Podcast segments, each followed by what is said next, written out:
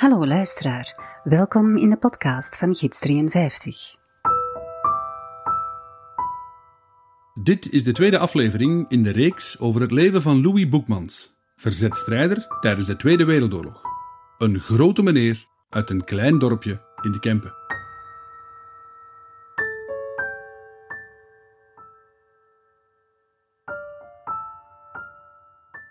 In de vorige episode waren Louis en zijn metgezellen met de vrachtwagen onderweg naar het fort van Breendonk. Ze voelden zich niet op hun gemak, nadat een lotgenoot hen verteld had dat het een akelige plaats was om naartoe te gaan. En dat zou ook heel snel blijken. Maar ik was ongerust over mijn broer, chef, die achter me was. En ik kijk zo eens bezijen uit. En uh, terwijl ik zo kijk, krijg ik een slag van bezijen op mijn kaak. Dat ik 14 dagen tot 14 dagen nadien nog niet bijna kon bijten. En dat was uh, toen Wijs, die uh, ongemerkt achter me stond. ik sloeg met mijn hoofd tegen een muur en had hier een lid tegen mijn wenkbrauw gekloven dat bloed over mijn gezicht liep. Nadien zijn we daar verwijderd en zijn we in een gang in een nis moeten gaan staan. Ik weet niet hoe lang uh, dat we daar gestaan hadden. Uh, ondertussen in de zaal hadden wij onze nummer gekregen. Ik was nummer 3253. Uh, dan later hebben we naar het magazijn moeten gaan voor ons klederen en zijn wij naar kamer 5 gebracht. Stoeber 5. En dat was altijd maar met stampen en slagen en snel, snel. En uh, wij kwamen onder het beheer van, uh, onder toezicht dan van kameroverste Louis Verheiden van Antwerpen.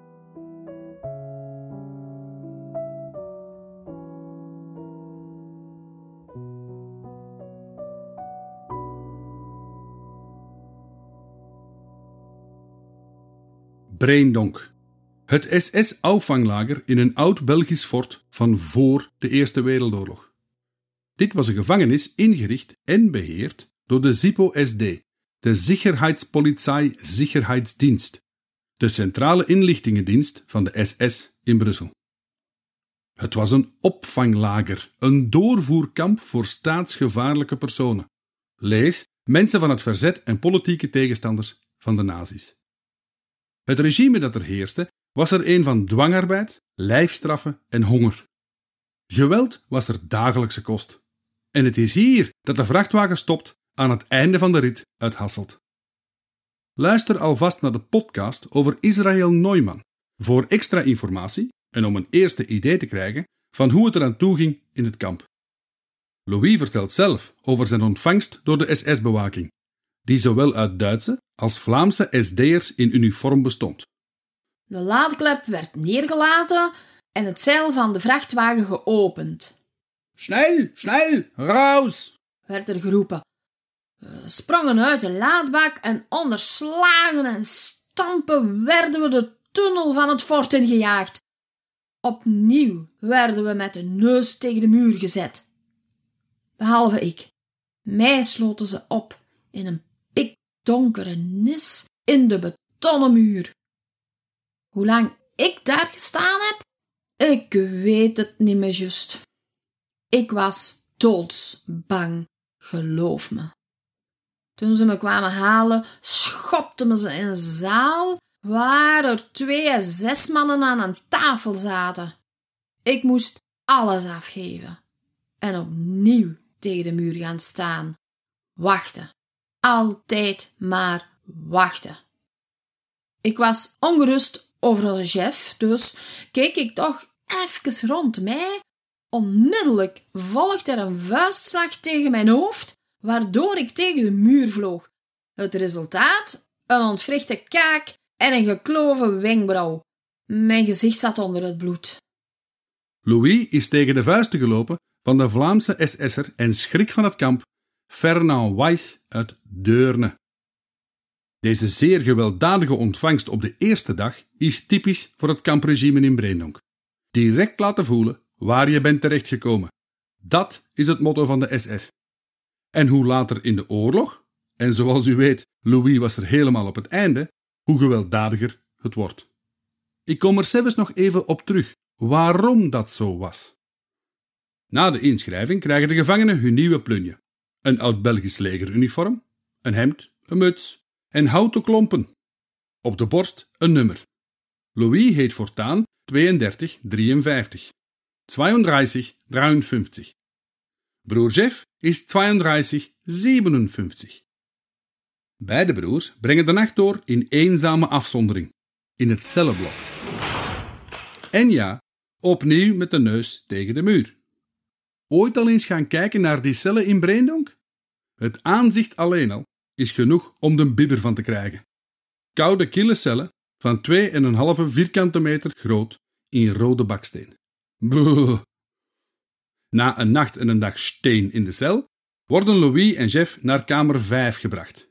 Een kamer onder leiding van kameroverste Louis Verheijen, een onderwijzer uit Antwerpen. Over de rol van de zoekvuurder, die zelf ook een gevangene is, verwijs ik opnieuw graag naar de reeks over Israël Neumann. Het komt aan bod in deel 3.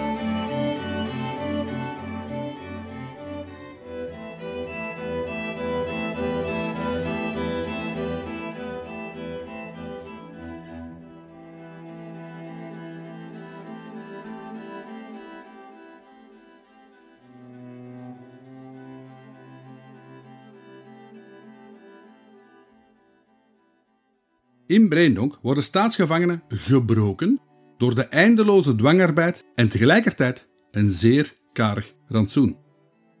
Ik en mijn broer hadden ons opgegeven als landbouwers. Wat geen leugen was. Terwijl de meeste anderen het fort moesten uitgraven, gingen wij buiten het domein op het veld werken.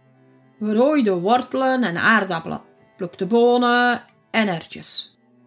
De opbrengsten werden door de SS dan verkocht aan lokale handelaren voor een stevige prijs.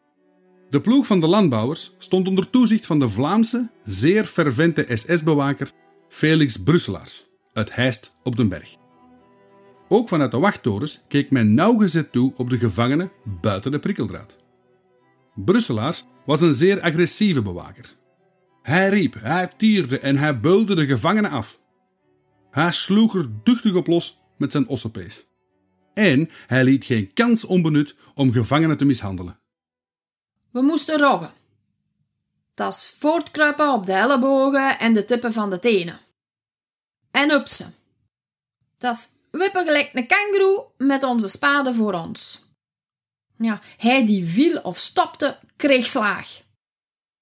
Hij riep regelmatig: Ik maak jullie allemaal kapot. Niemand komt hier levend buiten.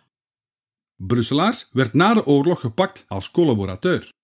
Ter dood veroordeeld door het Belgisch gerecht en geëxecuteerd op 12 april 1947 in Mechelen. Wise, de man van de slag op het gezicht van Louis, en enkele andere van zijn SS-collega's werden trouwens ook terechtgesteld. Louis sprak dikwijls over zijn angsten in het fort. Zo zaten er in Breendonk gijzelaars opgesloten. Dit waren personen, de meeste verzetslui, die als wraak, als vergelding, werden geëxecuteerd wanneer het verzet bijvoorbeeld een collaborateur had uitgeschakeld. Men koos heel bewust, meestal op basis van het politieonderzoek, die personen uit die vanwege hun misdaad toch de doodstraf zouden krijgen vanwege het Duitse krijgsgerecht. Die misdaad was dan bijvoorbeeld het dragen van wapens of rechtstreekse betrokkenheid bij een aanslag. Alleen wist je als gevangene niet of je nu in gijzelhaft zat of niet. En daarom lijkt het ook zo at random. Je wist dat het kon gebeuren. De oudere gevangenen hadden ons ervoor gewaarschuwd. Op een ochtend in augustus was het zover. Gerammel van sleutels aan de deur van de kamer. De SS kwam binnen, een papier met nummers op. Louis Verrijen riep: Achtung! Iedereen in het gelid voor zijn stapelbed. Het koud zweet brak me uit. Als het mijn nummer was, dat ze afriepen. De SS rekte de procedure nog even. Dan volgden er drie nummers. Met komen! Wat later hoorde je ze dan voorbij marcheren op de binnenkoer, samen met nog enkele anderen uit andere kamers. Nog wat later enkele salvo's. De schrik dat je dan voelt, ik, ik kan niet beschrijven. Dergelijke executies werden uitgevoerd achteraan het fort, op de executieplaats. Niet door de SS, maar door soldaten van de Weermacht. In Breendonk zouden er in totaal meer dan 200 mensen worden geëxecuteerd. Dat is meer dan 20% van alle terechtstellingen door de Duitse bezetter tijdens de Tweede Wereldoorlog. Onder hen waren er zowel gijzelaars als ter dood veroordeelden.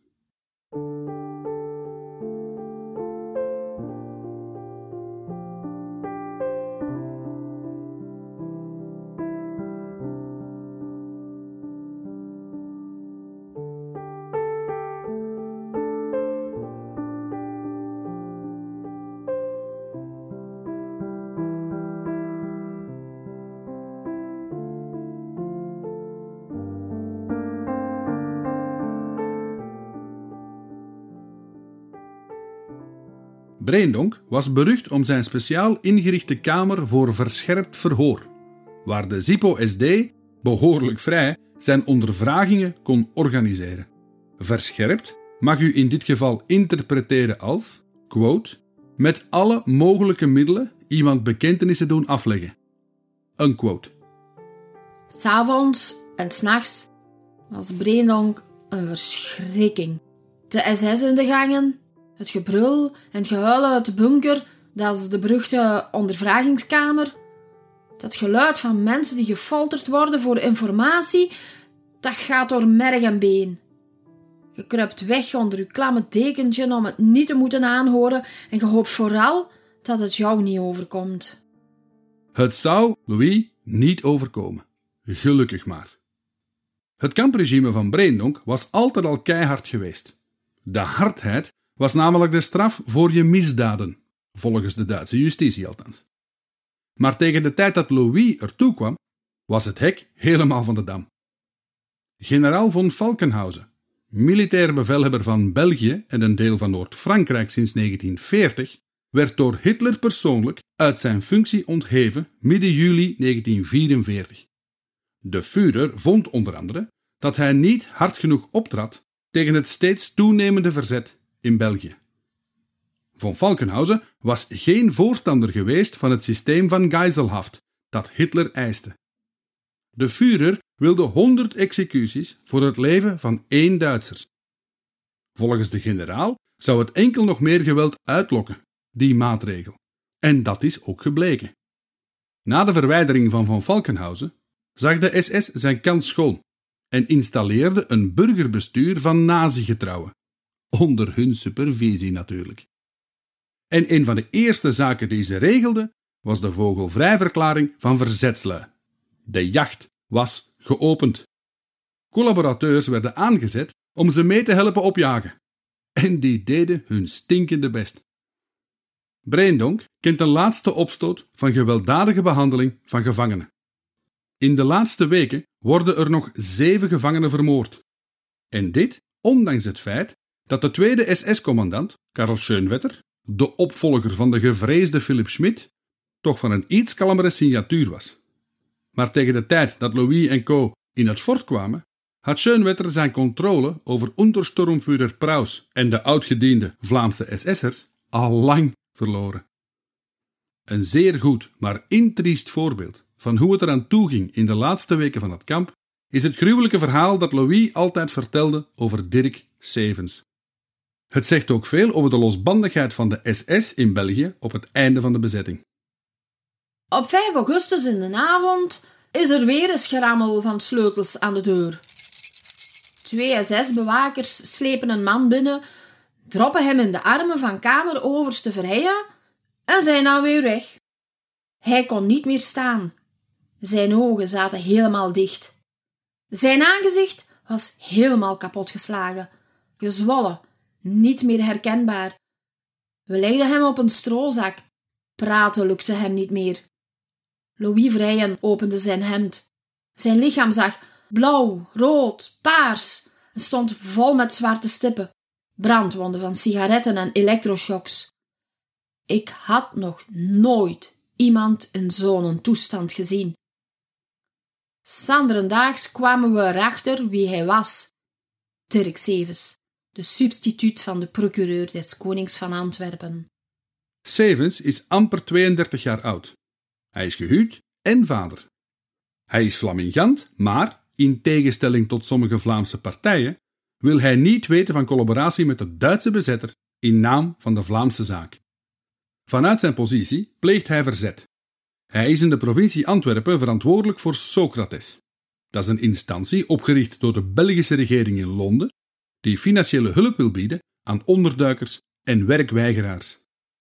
In de nacht van 4 op 5 augustus 1944 wordt hij, samen met zijn vrouw, thuis gearresteerd nadat hij is verraden geworden door andere verzetslui. Op het hoofdkwartier van de ZIPO-SD aan de koningin Elisabethlei wordt hij ondervraagd naar zijn verzetsactiviteiten en zwaar mishandeld. Zo zwaar zelfs dat de SS hem naar Breendonk brengt, waar hij, en ik citeer, schwer krank eingelieferd wordt. Om alle sporen uit te wissen, zal Dirk Severs gruwelijk vermoord worden door toedoen van nog meer foltering en zware mishandelingen door de op wraak beluste Untersturmführer Praus en SS-bewakers Weiss en Brusselaars. Op 9 augustus is hij dood. Zijn lichaam wordt nooit meer teruggevonden. Waarschijnlijk werd het verborgen vanwege de verwondingen. Nog geen maand later wordt Breendonk en een groot deel van België bevrijd. De echtgenote van Dirk Sevens overleeft het concentratiekamp van Ravensbrück en zal na de oorlog nog in de beheerraad van het memoriaal van het fort van Breendonk zetelen. Jaren later zou Louis de dochter van Sevens bij toeval ontmoeten tijdens een huldiging op de provincie. Hij vertelde haar zijn versie, zijn ooggetuigenverslag van de moord op haar vader. Dat moet wat geweest zijn toen die twee mensen daar op die bank in het provinciehuis zaten te wachten. 8 augustus 1944. Een van de laatste transporten uit Breendonk wordt georganiseerd. Louis, Jeff en nog 54 andere gevangenen worden op appel geroepen door Praus en co. Ze krijgen te horen dat ze het fort gaan verlaten. Ze moeten in de kleermakerij hun versleten Belgische uniformen weer gaan omwisselen voor hun burgerkledij. De meeste spullen van enige waarde die ze bij zich hadden bij aankomst zijn ondertussen verdwenen. Van zodra iedereen klaar is, worden ze op vrachtwagens geladen. Ze rijden door de poort van het fort, in de richting van Antwerpen, zo te zien. Ik dacht dat we werden vrijgelaten. Dat dit het einde was van onze beproeving. Ons ticket weg uit de hel. Louis denkt aan zijn Germain. De vrijheid longt. Thank you.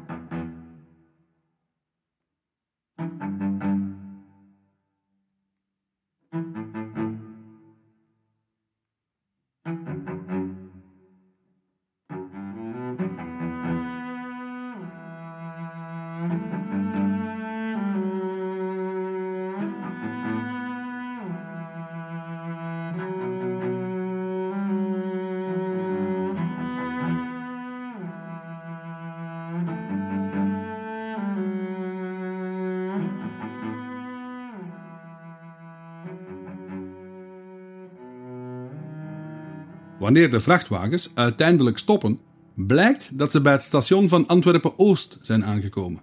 Er staat een trein te wachten. De broers kijken elkaar aan. Ze zijn nog niet verlost van deze hel. De bezetter heeft duidelijk andere plannen met de gevangenen. De wagons die Louis ziet zijn beestenwagens. Ze zijn deels al geladen met gevangenen uit de Begijnenstraat, dat is het gevang van Antwerpen, Sint-Gilles in Brussel, de nieuwe wandeling in Gent en, volgens Louis althans, van de Dossin-kazerne in Mechelen. De nieuwe lading gevangenen uit Breendonk werd daar gewoon bijgepropt. Met meer dan 70 personen in één wagon. rechtstaand, want zitten was onmogelijk. Er zaten uiteindelijk meer dan 800 mensen op dat transport uit Antwerpen-Oost, waaronder ook vrouwen en kinderen. Bij het instappen krijgt elke gevangene een pakketje van het Rode Kruis. Harde beschuiten en een blikje sardine van het merk Drie Koppen. Van de grote honger gingen die beschuiten en zoute visjes vlot binnen. Maar dat laatste zou Louis zich berouwen. Dorst, maar helaas niks om te drinken. In de wagon hoort Louis voor het eerst dat ze moeten gaan werken in Duitsland. Hij zegt tegen zijn broer: Slechter dan een Brandon kan het daar toch niet zijn, hè, chef. Elke dag honger, mishandeling en schrik. Hij zou helaas geen gelijk krijgen. Waar ze juist naartoe gaan, weten ze dan nog altijd niet. Het is een zeer warme zomerdag, die 8 augustus 1944. In de overvolle wagon is het snikheet en er zijn slechts twee kleine verluchtingsgaten. Louis slaagt erin om op een balk te geraken die dwars tussen die gaten ligt. Lucht! En hij kan min of meer zien waar ze zich bevinden. Hij schrijft van op zijn balk een papiertje met de namen van de mensen rond hem, met de mededeling dat ze oké zijn en onderweg zijn naar Duitsland. Het postadres is dat van Germain, zijn verloofde in Klein Vorst, vlakbij Tessenderlo. Hij klimt het briefje in een van de sardineblikjes en werpt het uit de wagon. Door het verluchtingsgat kan hij zien dat ze in Kalmthout zijn. De trein zou trouwens via Roosendaal en Venlo naar Duitsland rijden. Het geluk lag de onfortuinlijke in de wagon toch even toe. Het blikje met het briefje wordt gevonden door de zoon van de lokale stationschef. En die mens heeft dat effectief bezorgd aan de familie Wagemans in Vorst. Men wist dus aan het thuisfront dat Louis, Jeff en vele anderen uit de buurt op weg waren naar Duitsland. Helaas is dat briefje niet bewaard gebleven. Maar er zijn nog transporten geweest uit Breendonk, waarvan er wel dergelijke briefjes zijn bewaard gebleven. Kijk maar eens op mijn blog voor enkele voorbeelden. Per wagon staat er slechts één emmer die dienst doet als wc. Ik hoef er geen tekening bij te maken hoe het eraan toe gaat. Door het gebrek aan water duurt het nog wel even vooraleer die emmer vol is. Maar eens vol begint het te stinken als de pest in de wagon. Mensen worden onwel, vallen flauw, dorst. De trein dendert voort. Ja, denderen is relatief. Ze staan ook heel veel stil. Dergelijke transporten moesten steeds plaatsmaken voor ander, belangrijker vervoer. De deuren blijven echter steeds gesloten. Twee dagen en twee nachten zijn ze onderweg en pas dan stopt de trein in een station. De gevangenen bonken op de deuren, roepen en tieren om drinken en lucht. Louis beschrijft het als volgt. Het stonk zo hard in de wagon dat zelfs de SS'er, die de schuifdeur opendeed, riep: Boah, was voor een schwijnerij! Er werden twee mannen aangeduid om de stinkende emmer te gaan leegmaken en uit te spoelen. Op de terugweg vulden ze hem dan met water. Van dat water kregen we elk één sardineblikje om te drinken. Met de deur van de wagon open kunnen de gevangenen zien dat ze in het station van Weimar zijn, de Duitse historische stad van Goethe, Schiller en zo verder. De stad die zijn naam aan de Weimar-republiek had geschonken, de woelige periode na de Eerste Wereldoorlog. Maar cultuur kan de gevangenen op dat moment wel gestolen worden. Na de tussenstop schuiven de deuren weer dicht en gaat de reis gewoon verder. Tergend traag rijden ze een heuvel op. Het duurt eindeloos.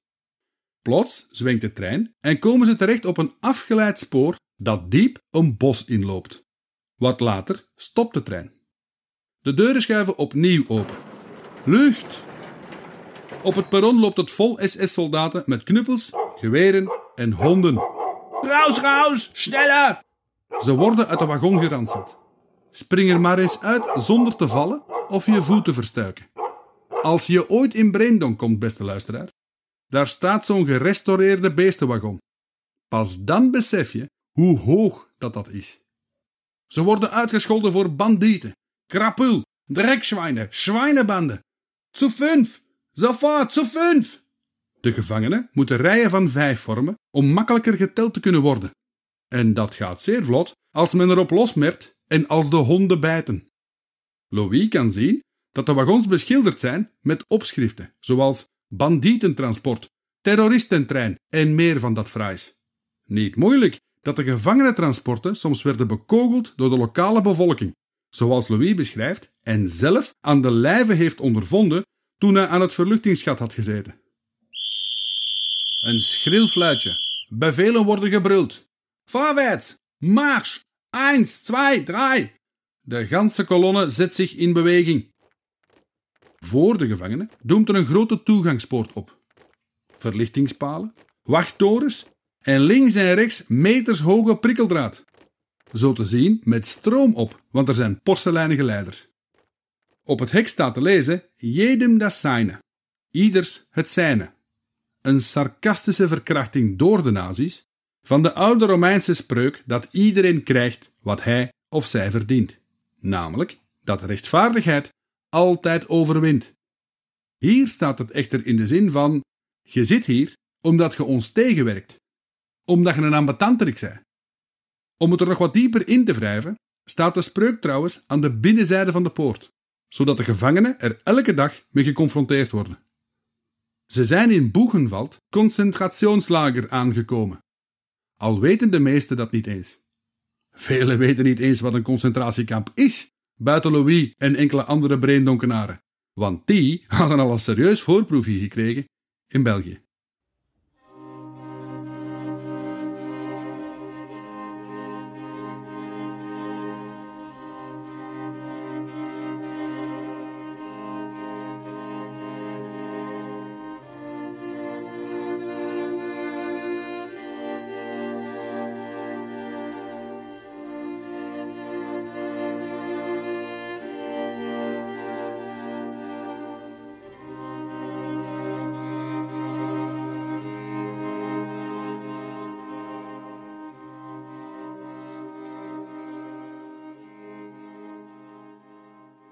Boegenwald werd in 1937 geopend op bevel van Heinrich Himmler zelf. Het was wat de SS een categorie 1 werkkamp noemden. Een, tussen haakjes wel te verstaan, mild kamp, waar volgens nazi-voorschriften de minder gevaarlijke gevangenen naartoe werden gebracht om te werken. In totaal passeerden er op acht jaar tijd ongeveer 240.000 gevangenen, waarvan er circa 56.000 het leven zouden laten vooral in het laatste jaar en tijdens de dodenmarsen van 1945. Het was een hel. De SS liet er een groot crematorium bouwen om al die lijken te verbranden. Er gebeurden medische tests op gevangenen, maar een gaskamer was er niet. Vernichting door arbeid. Vernietiging door arbeid. Dat was het motto van de SS. En dat is letterlijk wat er gebeurde. Bent u benieuwd naar wat een categorie 3 kamp dan wel was? Dat is de hoogste categorie.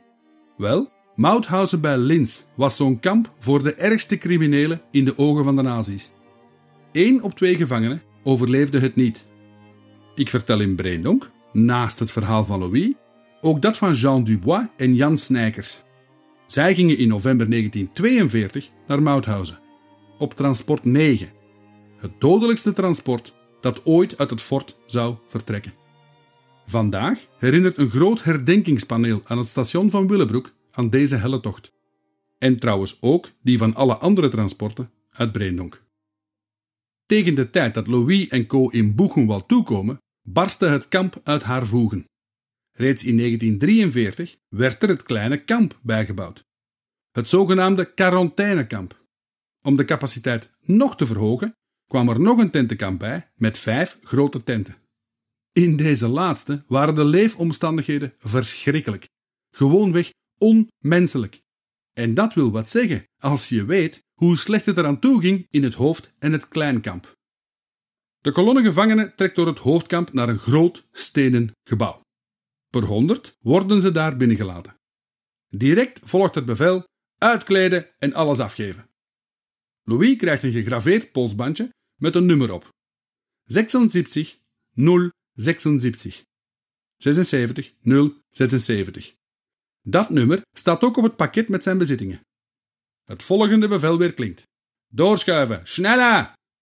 De rij naakte mannen komt in de waszaal terecht. Elke gevangene moet nu onder een douche gaan staan met heel warm water.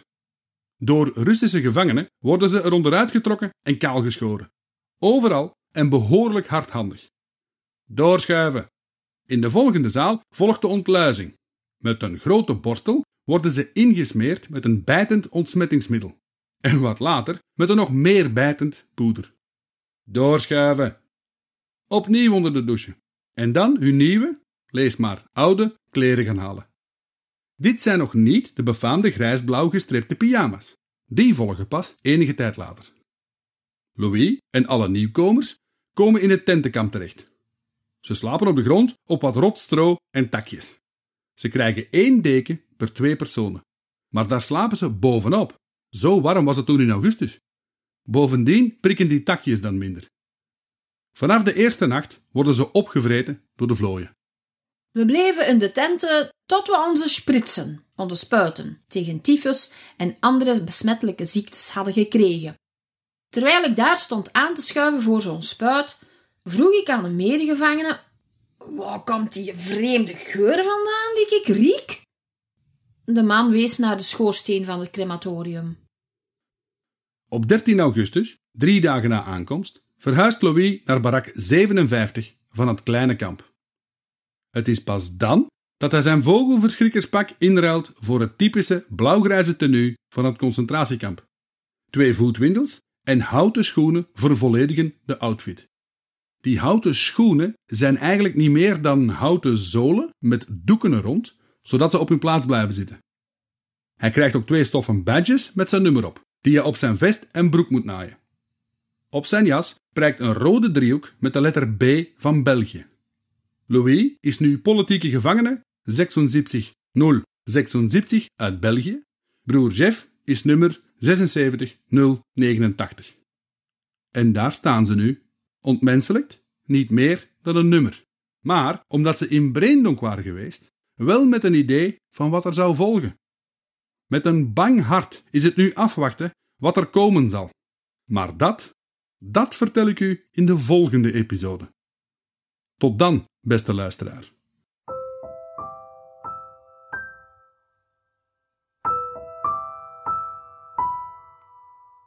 Dit was een podcast, geschreven en verteld door Gids 53.